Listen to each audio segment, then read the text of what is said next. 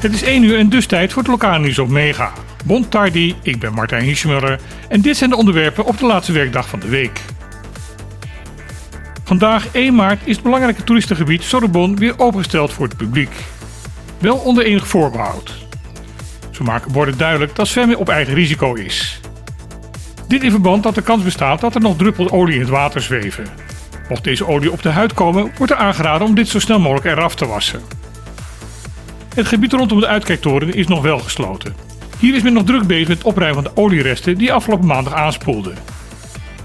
Bij de schoonmaakacties rond de Noord- en de Oostkust krijgt Bonaire hulp van bijna 20 militairen. Zij zijn woensdag vanuit Curaçao komen openvaren. Sinds maandag is er geen nieuwe olie aangespoeld op Bonaire. Ook is volgens satellietfoto's en verkenningsvluchten niet te zien dat er nieuwe olievlekken op de weg zijn naar het eiland. Toch zijn de overheid en natuurbeheerder Stinapa er nog niet helemaal gerust op. De situatie wordt daarom nauwlettend in de gaten gehouden. Afgelopen nacht zag een politiepatrouille een blauwe Toyota Corolla rondrijden, waarvan het bij de agenten bekend was dat deze twee dagen ervoor als gestolen was opgegeven.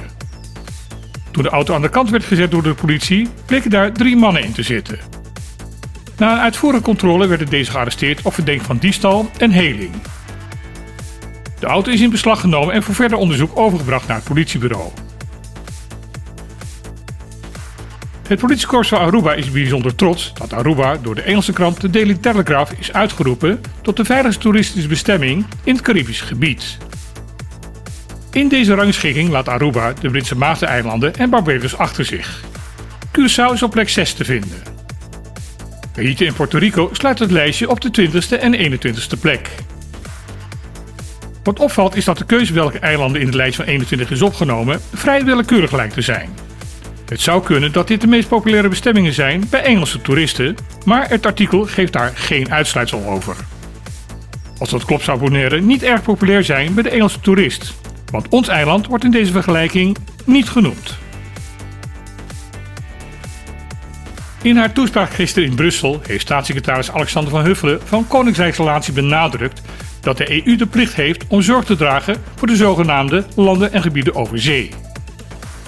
Deze LGO's zijn 13 landen en gebieden die verbonden zijn met landen binnen de EU, maar zelf buiten het grondgebied van de Europese gemeenschap liggen.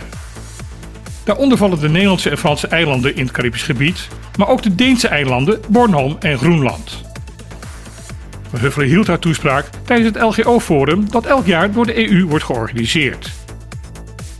De bewindsvrouw hield haar gehoor voor dat LGO's van grote strategische waarde zijn voor de EU. Daarbij kan bijvoorbeeld gedacht worden aan de geopolitieke waarde van de ABC-eilanden vlak voor de Zuid-Amerikaanse kust. Daarom deed Van Huffelen een beroep op de EU om het voor de LGO's gemakkelijker te maken om Europese fondsen optimaal te kunnen benutten. Zo kan Europa een positieve bijdrage leveren aan een goede toekomst van deze aan de EU verbonden landen en gebieden.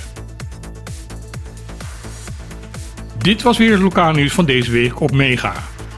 Morgen van 12 tot 2 op de klip op deze zender.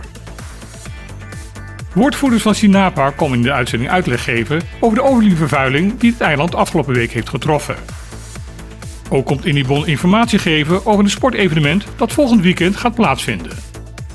Luister dus morgen naar de radio of kom langs in Club Tocadero.